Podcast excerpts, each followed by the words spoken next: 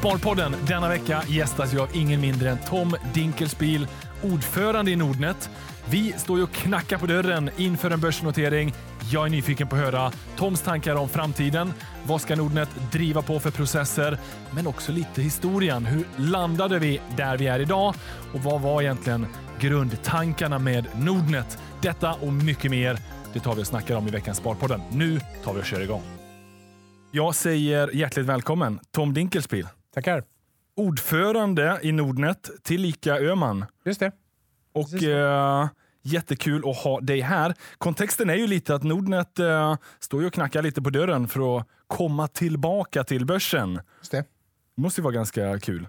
Ja, vi, vi, vi Ja. var ju med och grundade eller vi grundade ju det här bolaget en gång i tiden. Så att, eh, det här ligger ju oss extremt varmt om hjärtat. Eh, hela, inte, bara, inte bara Nordnet som bolag, utan också det vad Nordnet står för. Att demokratisera sparandet, att se till att om man ska vara väldigt storsvulstig, göra folks liv bättre, men i alla fall säga att vi gör folks ekonomiska liv bättre och ekonomiska framtid bättre. Det är ju någonting som vi brinner eh, passionerat för och vill fortsätta. Den resan, även om vi har hållit på i 24 år, så tycker vi fortfarande att den resan bara har börjat. Ja, så är det. Och, och det är, fort, det är ett väldigt högt momentum just nu. Väldigt många är otroligt intresserade av börs och sparande. Inte minst då i, i det här året där saker och ting har vänts upp och ner. Man blir ännu mer medveten om att man behöver se sig för sitt egna hus och framförallt sin egna privatekonomi. Jobb kan snabbt försvinna på grund av en pandemi. Då är det skönt att ha det där sparandet. Så är det. Eh, och Nordnet vi har ju haft schyssta produkter hela vägen. Vi gör poddar, vi gör eh, utbildningsmaterial. Vi vill ju försöka utbilda och inspirera till ett bättre sparande. Ja, men absolut. Och jag, jag, det, det, jag, jag, det är många saker jag älskar med Nordnet, men en sak som jag älskar är att man som kund vet att jag får alltid prisvärda produkter. Eh, allting är transparent, vi, du vet vad du betalar för och, och liksom hela den upplevelsen där, där du också får faktiskt bättre avkastning dina pengar. Ränta på ränta är ju den enda gratis lunchen i vår bransch. Så att, och, Och den är fantastisk. och den är fantastisk, precis. Med, läg, med lägre kostnader eh, för ditt sparande och, eh, får du en högre ränta på ränta. Och det, den multiplikatoreffekten bygger en bättre ekonomisk framtid. Ja. Det låter som att du är väldigt eh, positiv och engagerad i Nordnet, men jag måste också fråga, finns det frustrationer? Finns det önskemål att man hade kunnat göra mer, kommit längre, förändrat andra saker? Ja, men då- kommer man in på den här frågan om man är nöjd. Eh, och, och det är, nej, Nej. svaret är det är jag inte nöjd. Det finns massor kvar att göra. Men med den nuvarande liksom, besättningen eh, som vi har i hela firman idag så känns det som förutsättningarna aldrig varit bättre på att driva igenom fortsatta förändringsarbete. Nya produkter, bättre kundupplevelser, enklare kundupplevelser. Så att, nej, det finns massor kvar att göra, men vi är på god väg. Ja, men det är härligt att höra. Och jag, jag tänker att vi, vi kommer nog återkomma lite till det där, vart Nordnet ska framåt. Men i, i ett sånt här sammanhang, när vi ska tillbaka till börsen och sådär, det kan vara lite kul att bara få en historisk exposé. Du sa 24 år har ändå Nordnet existerat. Ganska mycket har ju hänt under den tiden. Eh, I Nordnet givetvis, men också i omvärlden. I. I bara eh, börsen och vilken funktion den fyller. Och de eh, både euforiska toppar vi har sett och de eh, katastrofala krascher därefter. Många fall. Eh, det. det har ju påverkat firman lite, tänker jag. Men jag, jag tänker vi får, backa, vi får backa bandet ytterligare lite. För Nordnet grundades ju genom Öman lite, eller som en... Inte genom lite, utan grundades Ja. av Öhman Fondkommission helt och hållet Ja, precis. eh, i mitten på 90-talet. Men Öman då, när grundades Öman? För det är ju betydligt mycket tidigare. Ja, det är 1906. Det var, det var ett bra tag sedan. Hur gammal var du då? Det, mina barn tror att jag var född då, men det var jag faktiskt inte. Nej, okej. Bra, bra. Fullt så gammal är jag inte. Nej, men Öman, och då tänker man så här. Eh, Öman har ju legat i familjen Dinkelspiel. Ni har ju haft ett stort inflytande och ett ägande i det där över en lång tid, men det heter ju inte Dinkelspiel. Hur, hur, hur liksom hänger Öman ihop? Ah, Okej, eh, om man liksom gör en snabb recap. Eh, Öhman grundades av familjen Öhman, som är en Saltsjö-Dunäs-familj som fortfarande bor i Saltsjö-Dunäs. Eh, och han som grundade det hette Emrik Öhman. Eh, och han hade en stadsmäklarlicens som mäklade råvaror och aktier och lite sådana där saker. Eh, familjen höll också på med fastigheter och lite sådana saker. Eh, och sen eh, ville Emrik börja handla aktier utomlands och då sökte han en person som kunde göra det. Och då anställde han min farfar som pratade italienska, och franska, och tyska, och latin och grekiska. Eh, och var liksom van att röra sig internationellt. Eh, eh, så farfar började där och sen dog Emrik, nu, nu hoppar jag lite snabbt här, men dog Emrik 33, något sånt där. Och då tog hans son över och det funkade inte så efter ett år så köpte min farfar företaget. Så 1934 klev vi in på ägarsidan. Ja. Och sen dess har, har eh, familjen Dinkelspiel eh, ägt Öhman. Just det. Och när blev du verksam i Öhman? Jag började 92 som mäklare Okay. eh, och sen tog jag över 00. Just det. Jag måste också fråga, då, aktieintresset har ju alltid legat dig varmt om hjärtat förstår jag. Om du började liksom mäklerivägen, hur, hur fick du upp ögonen för börs och aktier och, och investeringar? Ja, men det är inte så svårt. Om man växer upp i en familj som, som jag växte upp i så pratades det mycket affärer runt köksbordet hemma. Det, eller, ja. Ja. det var övervägande andel samtal hemma. Eh, så vi pratade väldigt mycket aktier och affärer och, och så när jag växte upp. Men du fick aldrig känslan av att "Ah, men jag ska hitta på någonting annat än vad pappa sysslade med eller familjen sysslade med? Jo, de, de tankarna fanns. Jag var ju rätt mycket inne på att bli jurist. Jag gick ju juristlinjen parallellt ett tag med Handels. Eh, men eh, så här, när jag tittar tillbaka i backspegeln så blir det lite slumpen som avgör. Handels var liksom slut och skulle jag fortsätta två år på juristlinjen. Det kändes supersegt. Jag hade en god vän som jobbade på Öhman som frågade om inte jag skulle komma dit. Som jag hade eh, liksom, gjort lumpen med och gått på gymnasiet med och som också gått på Handels tillsammans med. Och, och, och det, då kändes det kul och spännande och tänkte jag, jag gör det ett tag. Ja. ja, Jag är fortfarande kvar i ett tag. just det. Ja. Ja, men, eh, och det tackar vi för att du eh, förblev på den banan. Eh, för du har ju varit med och bidragit både i Öhman men också i Nordnet i mångt och mycket. Men, men tillbaka till 92 då när du hoppade in på Öhman, för då existerade ju ännu inte Nordnet. Och det är det här jag är lite nyfiken på. Hur kläcktes idén? Vad, var det som gjorde att aktiehandel via internet skulle vara intressant? Ja, det var ju inte aktiehandel via internet från början som var idén. Eh, utan det som Öhman på den tiden eh, var företrädesvis institutionell handel. Vi hade väldigt lite privatkunder. Och stora kunder till oss var mäklarhusen i, i London. För de var ju inte börsmedlemmar, så de handlade via lokala mäklare. Just det. För, så för att köpa SKF eller Atlas Copco och liknande behövde man gå via en Öhman? Exakt. Och för det kunde vi då ta betalt 20 punkter, så det var ju en eh, extremt hög lönsam affär. Eh, men eh, så kom eh, liksom den tekniska utvecklingen eh, dundrade på, internet var i sin linda. Eh, och då diskuterades internt och det var ju dåvarande vd Mikael Nachemsson som tyckte att men ska vi inte, ska vi inte ha, liksom erbjuda Londonhusen en direktlina till börsen, men via vårt medlemskap. Men, men det, i och med att det var en så lönsam affär på desken så mötte det extremt stort motstånd internt. Och Då sa man, okej, okay, men ska vi inte pröva aktiehandel för privatkunder istället över internet? Det, det är ju mindre kontroversiellt. Så, så Det var inte någon briljant vision om att det här kommer att föda, utan det var en, en bra idé som sen eh, förändrades på grund av att man stötte på motstånd och så vidare. Och, och det, då lanserades Nordnet sen 96. Ja, man hade inte vågat chansa då, eller gissa att man skulle ha en miljon kunder i Norden Nej, 20 år senare. alltså då pratade vi om att vi skulle ta 5% av privatkundsmarknaden, utav de aktiva kunderna på privatkundsmarknaden. Eh, och vi räknade med att det fanns ungefär 40 000 aktiehandelsprivatpersoner, eller privatpersoner som var intresserade och handlade aktier frekvent. Så att man skulle få 2 000 kunder och då skulle man bygga ett system som skulle kunna hantera 10 000 kunder. Det var, det var matematiken. Och så här i efterhand så stämmer det väl ungefär. Vi har väl ungefär 5 marknadsandel av de aktiva kunderna. Det är bara det att De blev många fler. de blev många fler och internet revolutionerade ju liksom, eh, sättet som vi betraktar världen och hur vi agerar på ett sätt som vi där och då inte kunde förutse. Men så man började snickra på den här eh, internetlösningen då, eh, 93, 94 tänker jag mig någon gång antar jag. Ja, men lite senare skulle jag tro. Ah, Okej. Eh, Det var, det var liksom inte...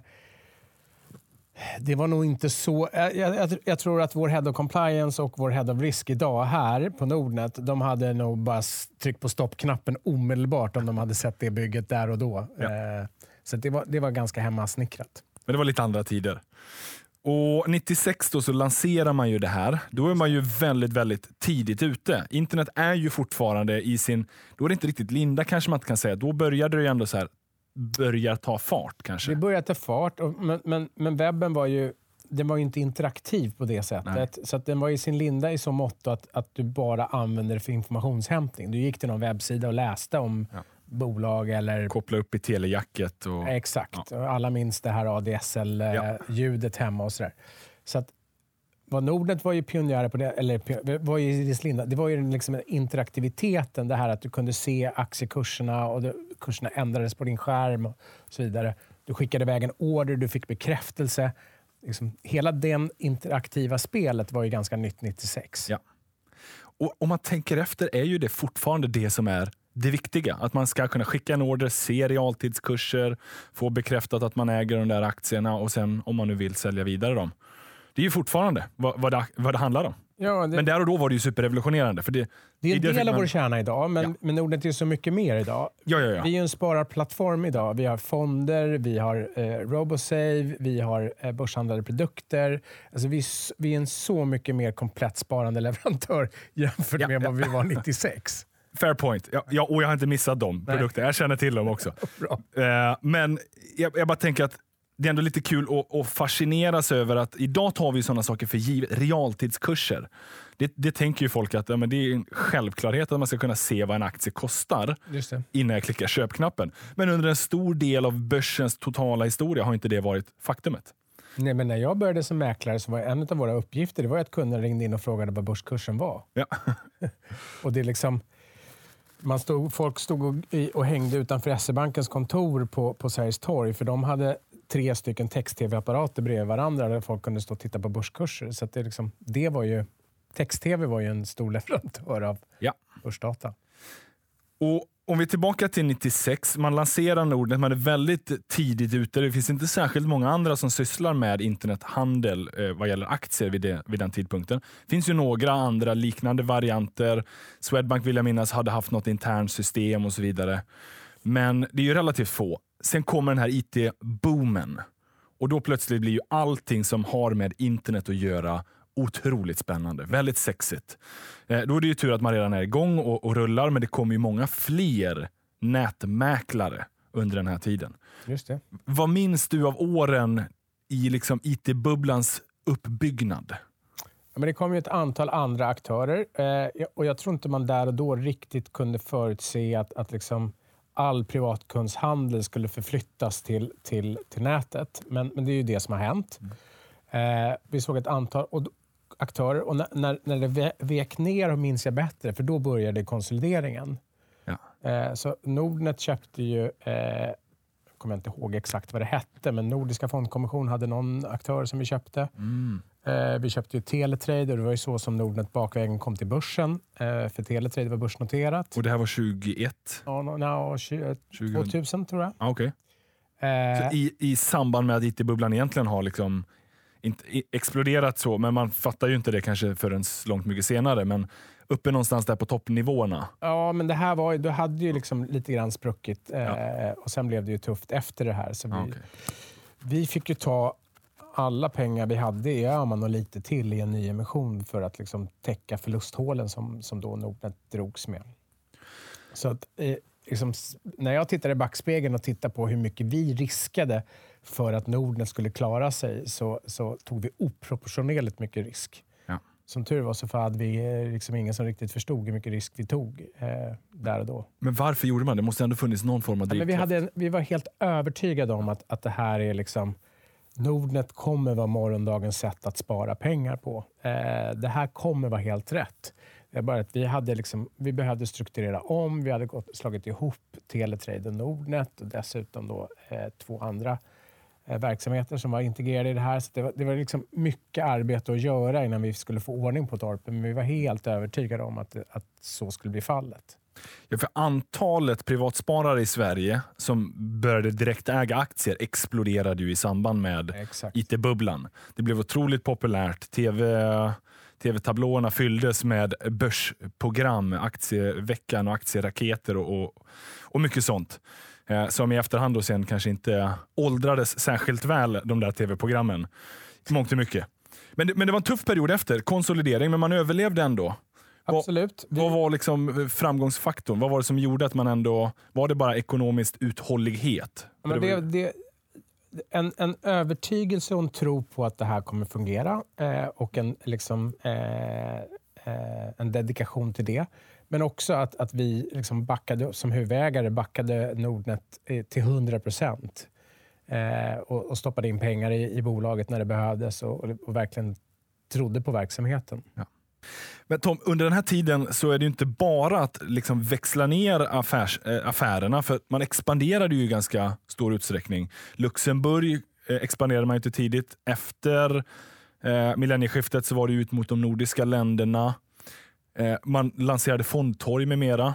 Det var inte bara att liksom dra ner på verksamheten som jag förstår utan men byta lite skepnad kanske. Ja, men absolut. Dels handlar det om att först konsolidera och få ihop verksamheten. Eh, men sen var ju liksom nästa steg, och då fanns det en övertygelse om att, att eh, eh internet var ju skalbart. Man skulle kunna ut, ta hela världen. Så att Nordnet expanderade ju i de andra nordiska länderna, tack och lov. Och det är vi ju väldigt glada för idag. Men också Luxemburg och Tyskland. Och, och båda de verksamheterna har vi stängt sedan dess. Avanza var ju också och gjorde ett stort försök i Tyskland. Ja.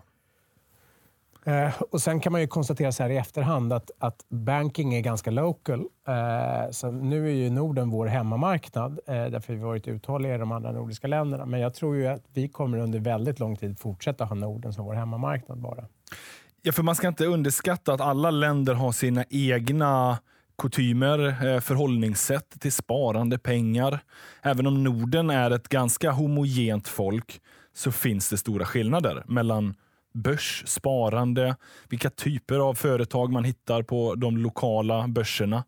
Eh, och, och, sånt har ju ändå varit utmaningar för Nordnet, att man har behövt ha fyra fokusländer eh, och till och med fler då, eh, med det, Tyskland och, och, och, så vidare. Men det är inte bara det, du har dessutom du har olika sätt som du avvecklar affärer på. Ja. Du har olika lagstiftning, olika skattelagstiftning, så det, det, skiljer, det skiljer mer än det, än det enar i någon dimension. Men varför var det viktigt att expandera? För Nordnet, namnet Nordnet har ju ändå existerat sedan början. Ja. Ville man, visste man redan då att Norden var marknaden eller var det bara coolt med Nord? Nej, men det, det, alltså, det är rätt kul med namnet Nordnet därför att vi skulle heta Nettrade. Ah, För man ville ja. heta någonting med, med net. Ja. Det var ju coolt på 90-talet. Men det visade sig att, att Sparbanken, alltså Swedbank, hade ju registrerat Nettrade redan. Så de, och de lanserade ju Nettrade bara en vecka före vi lanserade Nordnet. Ja. Så där var ju så vi fick reda på att, att, att de var lika långt gångna som vi var. Det var när vi upptäckte att, att namnet NetTrade var taget. Ah, okay. Och var, varför Nord? Ja, då blev det Nordnet. Eh, eh, eh, det vet inte jag faktiskt, för jag var inte med och kläckte namnet. Nej. Men du, har, har det från början varit uttalat att Norden är liksom fokuset? Ja. Jag tror att man där och då ville låta lite större än vad man var. Ah, okay. ah. Ibland är det så bara. Ja, jag tror faktiskt det. Jag tror att det var så enkelt. Men sen landade vi ändå i Norden och, och har liksom fokuserat på de nordiska marknaderna. Tog en vända till Tyskland, varit nere i Luxemburg, nästan till att lansera i Polen till och med. Just det. Uh, och, och, och sådär. Men Norden har ändå varit kärnan under väldigt, väldigt lång tid. Och kommer så förbli. Och kommer så förbli. Men om man, bara, om man lite snabbt då jämför med ett Avanza som bara har fokuserat på Sverige. Eh, det är kanske enklare att fokusera på ett land, men sen märker man ju att skalbarheten då, fyra länder, när det väl tar fart kan ju det vara ganska intressant. Ja. Men det har ju varit en ganska jobbig resa kan jag tänka mig. Ja, men det har det varit och det är ju egentligen först de senaste åren som det verkligen har tagit fart i alla länder. Avanza. Eh, fördelen med att ha en konkurrent som Avanza i Sverige det är ju att de, är, de har ju verkligen exekverat det bra och gjort det bra. Eh, eh, och, och, Jag tycker att Nordnet och Avanza inspirerar varandra väldigt mycket på ett positivt sätt. Eh, det skapar, det gör, vi är på tå, de är på tå och det gör att det blir en bättre produkt för kunden. Och Det är ändå liksom där, därför vi håller på. Ja, men alltså Verkligen. I, idag är det gratis aktiehandel, gratis indexfonder det är, det är otänkbart måste man ju säga när man startar Nordnet. Absolut. Det, är ju tack vare konkurrensen. Att, att man spänner bågen hela tiden. Jag känner många som jobbar där, det är många på Avanza som känner oss som jobbar på Nordnet. Eh, och, och man liksom är på tå hela tiden. Jag tycker också det är fantastiskt kul. Ja. Stångas hela tiden. Ja, men det, absolut. Det är som Volvo Scania. Det är ja. liksom, det, det, skapar, det skapar en bättre miljö för kunderna som jag tycker har varit väldigt, väldigt positivt. Eh, och, och, Det är klart att det varit jobbigt att vara i alla fyra länder. Nu är det inte det längre. Eh, nu har vi en stor addressable market på, på, på 10 000 miljarder. Mm. Eh, så vi har, vi har liksom bara börjat. Därför att vi känner ju, eh, ja. tror jag, alla vi som arbetar med det här, att om, vi, om kunderna flyttar till oss eh, så blir det bättre. Eh, ja. så att, när vi bara ligger på vad är det, 5 marknadsandel eh, över linjen, ja, då finns det massor kvar att göra. Ja, verkligen. 25 miljoner nordiska invånare. Ungefär. Eh, så att jag menar, många fler finns det ju då om vi har en miljon sparare i dagsläget. Lite mer än så. så Men innan vi kommer till Nordnet så som det är idag. Jag, jag vill också bara kolla in lite hur Nordnet utvecklade sig under finanskrisen. Eh, finanskrisen var ju också en väldigt definierande tid, framförallt då för finansbolag som ändå Nordnet blev under den här tiden. Man började ju någonstans i internetmäkleri, breddade med fonder, började ju med ganska tidigt, ni bara grävde lite i arkiven, man hade ju till och med voice trade. Det här kom ju supertidigt. Du kunde ringa in via telefonen och lägga en aktieorder, få bekräftat i telefonen. Det har vi inte ens idag. Nej, jag tror banken, storbankerna har väl kvar telefonbank i någon dimension, men, men vi har inte kvar det. Nej, det kanske var alldeles för svårt att få till det var... exekveringen. Det var mycket risk i det känns det som. Ja, men framförallt om du tar kundupplevelsen var väl inte kanon. Nej. Eh, det vet man ju själv när man stöter på sina automatiska röster och ska svara ja och nej. Man blir rätt frustrerad ganska fort. Ja. Och framförallt om det går fort. liksom kurserna är på väg ner. Jag vill bara få liksom, sålt mina aktier. Exakt. Ja. Nej, så det kanske var värt att vi avvecklade. Jag tror det. Men det jag skulle säga var att vi, vi, Nordnet liksom transformerades ju in i att bli mer av en bank. Man fick, man fick ju banklicens, bankoktroj under tiden. Man, kring liksom åren inför finanskrisen nu är det lätt i efterhand att säga att det var åren inför finanskrisen, men så tänkte man inte där och då. Men då lanserade man ju ändå eh, kreditkort eller betalkort. Man började lansera eh, betalmöjlighet från sitt konto. Du kunde betala räkningar. Vi hade eh, försäkringsförmedling, bolån och liksom började bli mer av en bank. Ja. Vad, var, vad var tanken där? Liksom? Jag tror att där och då var tanken precis som det var över, överallt på internet. Liksom det här portaltänkandet. Du gick till ett ställe, där kunde du göra allt. Jag tror att vi, vi har helt lämnat det idag. Eh, för oss idag så handlar det om att göra liksom en unikt bra sparandeupplevelse ja. och med, med liksom unikt bra sparande produkter. Det, det, det är det som driver oss. Därför att vad som har hänt med, med, med de här devices och, och även på det, det är att du bara ett klick bort så kan du gå till, till din bank och betala räkningarna istället. Så du, du behöver inte ha one-stop shop för någonting. Utan du, du, det är mycket bättre att du som kund har ditt sparande hos oss och så betalar du räkningarna hos, hos någon annan. Ja. Eh, och, vi kan fokusera och bli bäst på sparande Jo, men därför att då kan vi vakna varenda morgon och bara tänka så här, hur skapar vi en bättre användarupplevelse? Hur skapar vi bättre sparandeprodukter? Sparande, sparande, sparande. Det är det enda som driver oss. Ja. Eh, det är det ena. Det andra är ju att, att för oss blir vi, vi blir ju capital light också. Det, det, det, kostar inte så mycket eget kapital och det är ju en, en knapp resurs när man är eh, en, en utmanare som vi är. Eh, och då då är det lättare att driva produktutveckling och komma med nya produkter om man inte också har väldigt hög kapitalbindning. Ah, okay. Så det är också en, en, en, dimension i det hela som man inte riktigt förstod i mitten på 2000-talet. skulle jag säga. Nej, men man ville väl testa och se. Eh, flyger det? För Många har ju under hela de här åren som Nordnet existerat funderat över vad får jag ut av min bank, min, min vanliga ordinarie bank. Och Det är där Nordnet har kunnat eh, ta marknadsandelar genom att erbjuda en bättre nischprodukt. Mm. Så kanske man tänkte där att ja, men vi ska vi inte se om man kan bli en fullskalig bank fast göra det online. Inte behöva gå till bankkontoren. Men, men det kanske inte var så enkelt som man tänkte. Ja, men det var väl så enkelt man tänkte, men, men jag tror man liksom missade lite grann att ska du bygga en, en, en fullskalig bank, ja, då, då kommer det kräva enormt mycket eget kapital. Det kommer ta lång tid att få avkastning på, på det ja. egna kapitalet.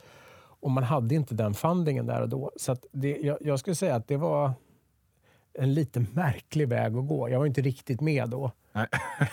Skönt, då kan vi hänvisa till dem. Ja, ja. Nej, men det ska jag inte göra. Utan nej, men jag förstår. ta ansvar för ja. det också. Men, men jag var inte med och fattade de här besluten aktivt.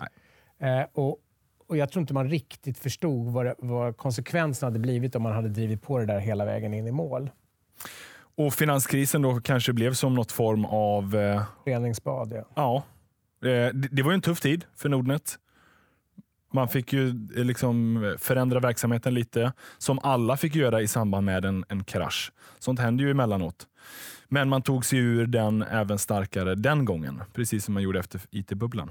Absolut. Men när kom du in och blev mer engagerad i Nordnet? Det var väl 2007, så det var ungefär där. Ja.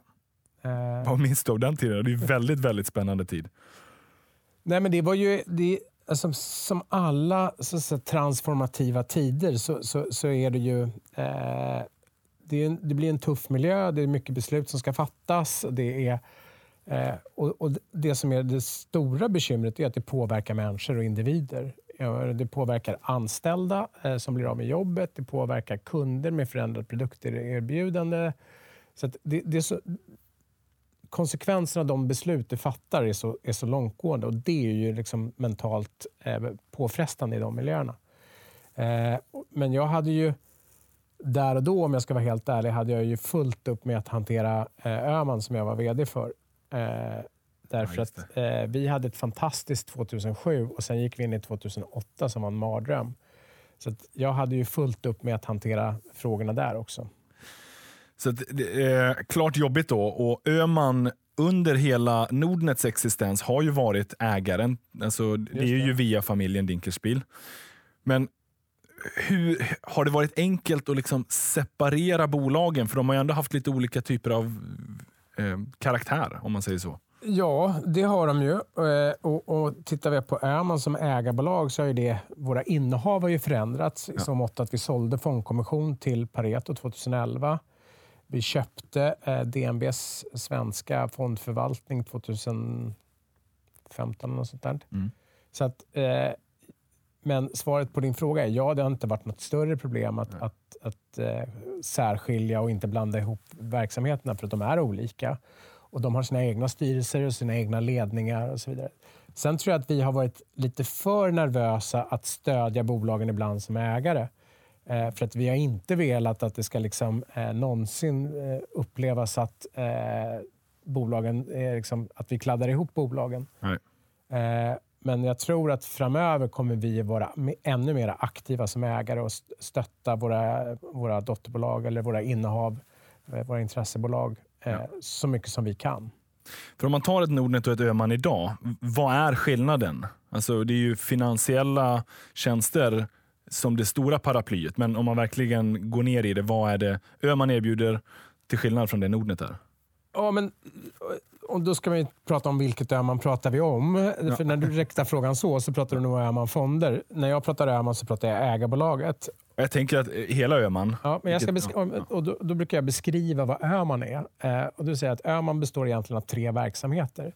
Det är Öhman Fonder som, för, som, som producerar UCITS-fonder eh, och som förvaltar ungefär 100 miljarder kronor idag. Eh, så det är ett ben. Det andra benet är att vara huvudägare i Nordnet. Eh, där vi äger runt 30 procent i dagsläget och sen äger familjen separat också. Eh, och Det tredje benet är att vi investerar i riskkapitalbolag eh, där vi då eh, startade Next tillsammans med Jonas Fredriksson och Erik Fröberg. Mm. Eh, som är vår största exponering, men vi har även investerat i andra riskkapital. Det är våra tre verksamhetsben idag. ah, okej. Och sen är, har vi lite, som, och tittar vi då på koncernbolag så har vi lite olika ansvarsområden. Så Johan Malm som är VD, han är övergripande ansvarig, men hans primära ansvar är att se till att förvaltningsverksamheten fungerar väl. Ja, mitt primära ansvar är, är Nordnet och Björn Fröling som är vice ordförandes primära ansvar är eh, kontakter med Next och innehaven där. ah. Då blir det ganska tydligt. Så det blir ty- för oss tydligt. Ja. Sen kanske inte så tydligt externt, men, men, men för oss är det tydligt. Mm. Och det fungerar ganska väl. Och sen Nordnet då, och om man pratar om det så finns det ju givetvis ett samarbete med fond, eh, Nord, eh, Öhman Fonder också. Absolut, men vi låter ju ja. bolagen mötas Ja. själva. Och, då- och, och, och eh, och det blir ju liksom produktproducenter och produktköpare i de respektive bolagen.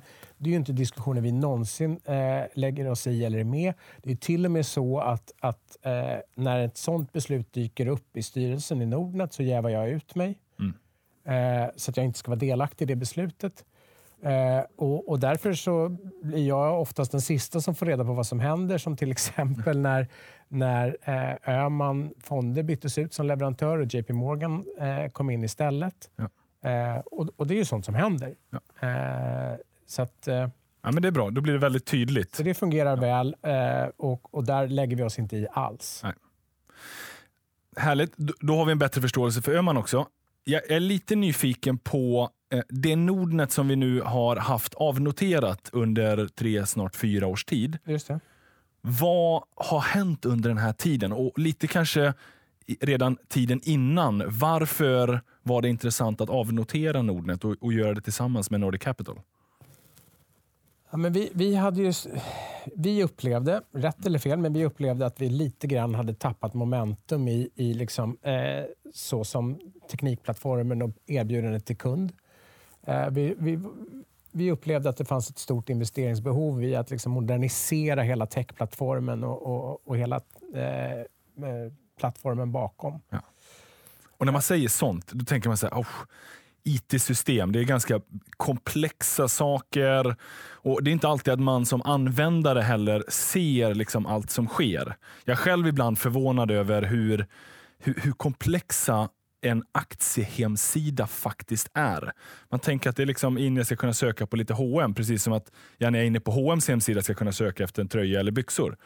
Men skillnaden med Nordnet är att det ska strömma realtidskurser och det ska vara alla instrument på alla marknader man erbjuder. Och Inte bara ska du se kurserna, du ska kunna skicka tillbaka ordrar och de ska clearas och verifieras. Det blir plötsligt väldigt komplext. Ja, och dessutom ska man ha en enorm respekt för att vi hanterar folks sparande pengar. Ja. In. Och Det gör ju att redundans i systemen, att systemen eh, gör rätt och att det kontoförs på rätt kund. Och så det, liksom, det är extremt höga krav. Ja. Alltså vi, vi pratar Försvarsmakten-nivå på, på, på systemen. Och, och, och det har jag, jag kan inte det här, men jag har en enorm respekt för det. Ja. Och när vi kände att vi måste ta tag i det här eh, och när, liksom, när vi pratade runt och förstod man ganska snart att det här kommer kosta mycket pengar. Och vi hade svårt att se att börsen skulle ta emot den typen av liksom förändringsarbete särskilt positivt. Eh, även om, liksom, om vi hade pratat med de institutionella, andra institutionella ägarna så hade de sagt ja, ja, det är bra. Men de hade inte blivit glada. Nej.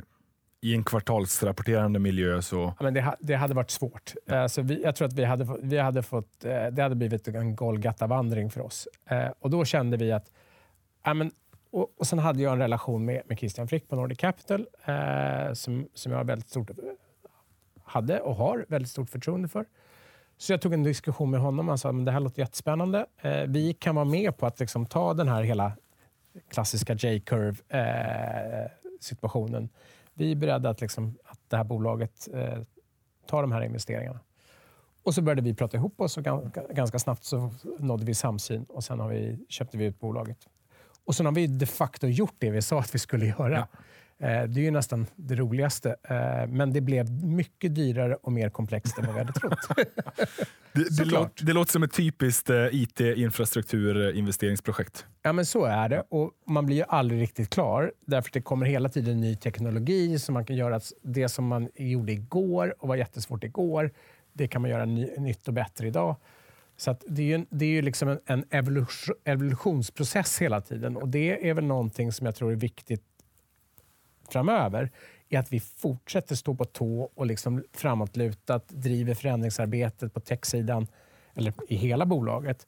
Ska vi fortsätta vara ett tillväxtbolag, vilket jag eh, är helt övertygad om att vi många, många år framöver kan vara, då är det viktigt att vi fortsätter driva på den här utvecklingen. Så att säga, ja, nu är vi färdiginvesterade, nu är vi klara. Det, det, liksom, nej, nej, nej. det kommer inte hända. Nej, men man, eh, vi hör ju, eh, och så här, jag känner ju själv som en investerare, som en användare av plattformen. Det är så mycket mer man vill kunna få ut. Förändra hur graferna ser ut på Nordnet och populera upp fler tekniska analysinstrument och fler marknader. Och, och det finns så otroligt mycket idéer eh, och spännande utvecklingspotentialer. Men man måste ha rätt system, eh, rätt strukturer bakom för att kunna leverera i den höga takt som vi ändå nu är uppe på banan och gör och vill fortsätta göra. Absolut, men, men sen är det också så att eh, eh, jag brukar säga att vi har, vi har säkert 200 goda idéer som vi skulle vilja göra här och nu. Ja. Eh, men om man bara tar en idé och tittar på liksom, vad krävs för den? Jo, men först och främst så, så, så, så dels är det genomförbart. Vad krävs? Vilka för systemförändringar? Alla bonheur, det är ju en sak. Men sen måste man ju fråga sig själv, ger det här kundnytta? Vill kunderna verkligen ha det här? Är det viktigt för kunderna att vi ger dem det här? Därför att de här 200 sakerna måste prioriteras, tidsprioriteras. Ja. Och då är det ju vissa saker som kommer att vara viktigare och bättre för kunden än, än andra saker. Och sen on top of that så har man ju regelmakarna som kommer med nya regler och Ja. nya förutsättningar hela tiden också. Ja. Och, och, och hastigheten i vilken nya regler kommer kräver också sin eh, man och kvinna på, på utvecklingsavdelningen. Men du har ändå sett finansbranschen nu under ett gäng decennier. V- vad skulle du säga regel, nya regelkrav som kommer? Är det mer nu än vad det varit tidigare? Eller sånt där känns som att det kommer och går lite i våg, i vågor. Ja, man vill ju tro det, men det känns som de senaste sju, åtta åren så har det accelererat. Eh, regelmakarna har eh, Mycket EU-nivå också. som det kommer. Absolut, men en tro på att man kan hantera finansiella systemkriser med, med nya regler. Jag är inte helt säker på det. Men, men det, det är vad de tror och det är därför, därför kommer det massor med regler och en del regler är lätta att anpassa sig till och en del är extremt komplexa att anpassa sig till. Och sen är det liksom, hur ska de tolkas? En sak är att få regeln. Ja. Sen att veta hur ska vi implementera den här i, i, i vår miljö? Men hur kommer, den, hur kommer regelmakaren sen att tolka reglerna? Och ibland kan de tolkas olika i olika länder. Så är det ju också. Eh, Så, så det där är ju, det blir en väldigt komplex materia och det skapar väldigt mycket friktion i systemet som inte nödvändigtvis tillför kundnytta, eller rätt långt ifrån kundnytta ibland. Det, i alla fall, jag delar den uppfattningen också. Eller det känns ju så. Sen är ju en del av regelverken till för att stärka kundskyddet. Se till att och, och säkerställa att man vet vad det kostar en innan man gör finansiella transaktioner. Så det finns ju några bra, i alla fall bra idéer. Men det finns massor med bra Ja. och man kan konstatera att men, men sen är det frågan, vad har regelmakarna orsa, eh, liksom åstadkommit och vad har, har internet och transparens åstadkommit? Men jag tror att regelmakarna har gjort mycket gott. Ja. Eh, jag tror att liksom ökad transparens, ökad eh, liksom information till kunderna till stor del drivits av regelmakarna. Och Det har varit väldigt positivt. Men man måste lugna ner hastigheten därför att man, man över, överser, eller liksom, man kan inte se konsekvenserna alltid. Var någon som sa till mig att Mifid 1 var 100 sidor lagtext Ja. och Mifid 2, som var till för att rätta till Mifid 1, var 2000 sidor lagtext. Ser man fram emot Mifid 3 när den kommer. Ja, och den kommer ju komma som ett Ja, den- på posten. Ja, det kommer den göra. Ja. Eh, Så jag, jag, jag, verkligen, jag, jag hör frustrationen och jag känner den själv ibland också. Och Jag tror att många sparare känner det eh, där ute. För att man vet att Nordnet är en transparent bank som vill skapa kundnytta. Eh, och det gör vi ju väldigt mycket. Men, men det, det finns så mycket mer man hela tiden vill producera och få ut till kunden. Men, men ja, allting ska Jo, men prioriteras. Och, Men ett bra exempel är KYC. Det är klart att vi måste dokumentera kunderna. Vi måste känna till våra kunder.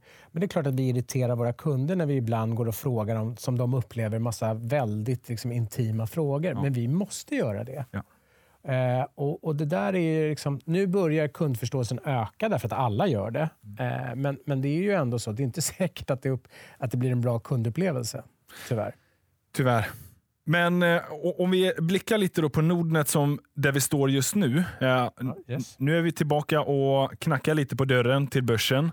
Spännande tider. Eh, det känns ju ändå väldigt rätt. Ett Nordnet sysslar ju med aktiehandel. Vi, vi hör lite hemma på börsen känns det som. Jag håller med. Vad, vad, vad tänker du liksom framöver? Ett Nordnet har ju förändrat privat, eh, privatmarknadssparandet ganska mycket. Privatpersoner har det otroligt enkelt, billigt och tillgängligt att handla med aktier, fonder och på, på mångt och mycket sparande idag. Vad är det vi ska göra framöver? Är det fortsätta att förädla den marknaden? Finns det andra saker som är liksom viktiga prioriteringsområden för Nordnet? Svaret är ja, vi ska fortsätta på det. Men, men vi ska också, därför att om man tittar på liksom, privatpersoners ekonomi så är det ju två stora komponenter som vi egentligen inte har varit med och drivit allt för mycket än så länge, men där det finns massor kvar att göra. Och det är bo, ditt boende är en stor sparande där vi erbjuder bolån idag på till liksom en transparent, färdigförhandlat pris. Så det tycker jag är fantastiskt kul. Men den, till och med just nu marknadens lägsta listränta. Bara en sån sak. Ja. Men och, och, inte bara listränta. Det här, det här, du vet att när du har det här bolånet, när du och jag har bolån här, så betalar vi samma sak. Ja. Vi behöver inte i kraft av förhandlingsstyrka eller i kraft av att man är aggressiv som kund få en annan ränta, utan du, vi får samma. Har vi samma förutsättningar får vi samma ränta. Samlar man sparandet så jag vet inte om våra portföljer är lika stora, kanske. Men, men, men jag sa, givet samma förutsättningar. givet samma förutsättningar. Absolut, ja, men verkligen det är väldigt tydligt. Samlar man engagemanget får man en bättre ränta, men man måste inte samla engagemanget. Det nej, går nej. liksom även få en bra ränta ut, utan. Ja. Och så är det, men du vet exakt vad alla andra betalar också. Du behöver aldrig känna att du blir lurad. Och Du behöver inte heller ha det här som... Jag, jag har ett bolån hos, eh, som jag inte, ännu inte har flyttat hit, som jag ska flytta hit. Eh, och så hade jag förhandlat ner räntan. Eh, och Sen går det två år och så helt plötsligt har jag listränta igen mm. utan att jag har gjort någonting. Och jag, vet, jag vet inte ens hur det gick till. Det, och det, den där typen av liksom kundupplevelse blir inte så positiv. Men för, tillbaka till din fråga. Det är ju pensionsområdet. För att boende är ett stort sparandeområde. Det andra stora sparandeområdet som privatpersoner har är ju deras pension. Eh, och inte minst deras tjänstepension. Eh, och där finns det ju massor kvar att göra. Eh, och Det är ett område som jag ser att vi kan växa på under väldigt lång tid i Sverige, men såväl som i Norge som i Danmark. I Norge kommer ju nu EPK, alltså eget pensionskonto, som är en jättespännande produkt där, där eh, privatpersonerna tar hand om sitt eget eh, eh pensionssparande. Och både Norge och Danmark har lagt pensionssparandet mycket närmare kroppen för dig som individ. Så du har mycket bättre koll på det och du upplever det mycket närmare än vad du gör i Sverige. Och det, det tycker jag är en positiv utveckling. Ja. Eh. För jag menar, pensionen är viktig, men eh, både den egna och tjänste, eh, tjänstepensionen kommer ju vara än viktigare framöver för nästa generations pensionärer. Så är det. Och eh, idag är det otroligt eh, mycket dolda avgifter, inlåsningar, skalavgifter eller avgifter på insättningar i pensionskontot. Sådana saker som, ett, som Nordnet eh, som transparent bank liksom, eh, inte har. Inte har.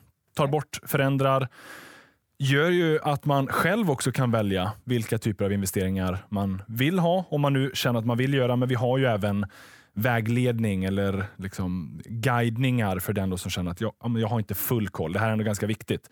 Det är mitt lång, långsiktiga sparande. Absolut. Så att den eh, ser jag fram emot också att eh, förändra ganska mycket. Vi har ju påbörjat det arbetet redan, men det finns mycket, mycket kvar att göra. Absolut, men där känner jag att vi fortfarande bara skrapat på ytan. Framförallt i en nordisk kontext har vi bara skrapat på ytan. Så här finns massor kvar att göra. Eh, och Det är, en, det är liksom en, en viktig väg att gå för oss för att fortsätta demokratisera sparandet. Ja. Så, så, måste vi också ta oss an hela pensionskapitalet i hela den nordiska kontexten. Ja. Eh, så det finns, vi, har, vi har mycket kvar att göra. Men om man pratar om den svenska marknaden, då är det ju fortfarande väldigt, eller det är ju väldigt mycket styrt av kollektivavtal. Och där är ju inte Nordnet ännu en del av dem. Man har ju lite så från tid till annan testat eh, och, och vara med i de här kollektiv, eh, kollektivupphandlingarna.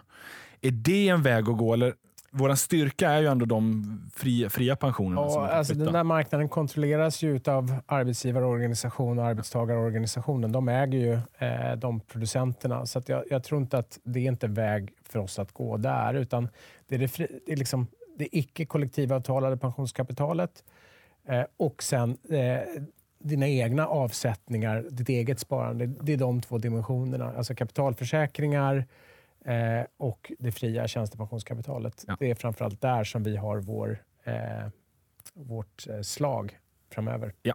ja, men det är bra. Intressant. Tom, eh, stort tack för att du kunde komma hit till eh, Sparpodden och berätta mer om Nordnet. Jag vet att det är ett ämne som ligger dig varmt om hjärtat. Vi skulle kunna hålla på i all evighet, säkerligen.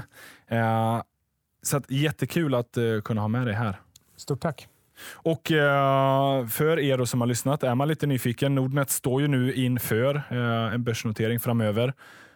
om man ska vara med på det här, det kan ju vara lite kul som kund, så kan man ju vara med också, men man måste vara just kund på Nordnet.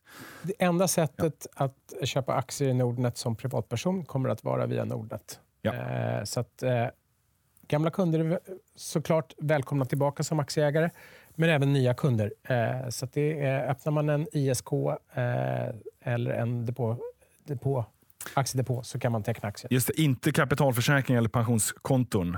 Nej, därför att det, tyvärr är det så att... Då äger man sig själv lite. Exakt. Liksom. Pensionsbolaget ja. får inte äga aktier i banken. Eh, och Därför kommer det inte gå via kapitalförsäkring. Det är väl jättesynd, men så, så ser det tyvärr ut. Ja. Men investeringssparkonto funkar Men ISK funkar ju jättebra. Det är en supersmidig produkt, tar tre minuter att öppna, så det är ja. ju världens enklaste sak. Och, och kommer även... kan man swisha över pengar. Exakt, så att man kan fort få in det när löningen kommer. Exakt så. Jag brukar själv sitta där. Eh, och Det kommer även vara möjligt för icke-svenska investerare. Vi kommer att göra ett nordiskt erbjudande. Ja. Så vi kommer att passportera erbjudandet till Norge, Finland och Danmark. Eh, så det kommer att vara ett nordiskt erbjudande i vår anda som nordisk eh, hemmamarknadsleverantör. Helt rätt. Tom, eh, än en gång, stort tack. Tack ska du ha, Alexander. Och tack till er som har tittat. Ni vet att vi är som vanligt tillbaka nästa onsdag.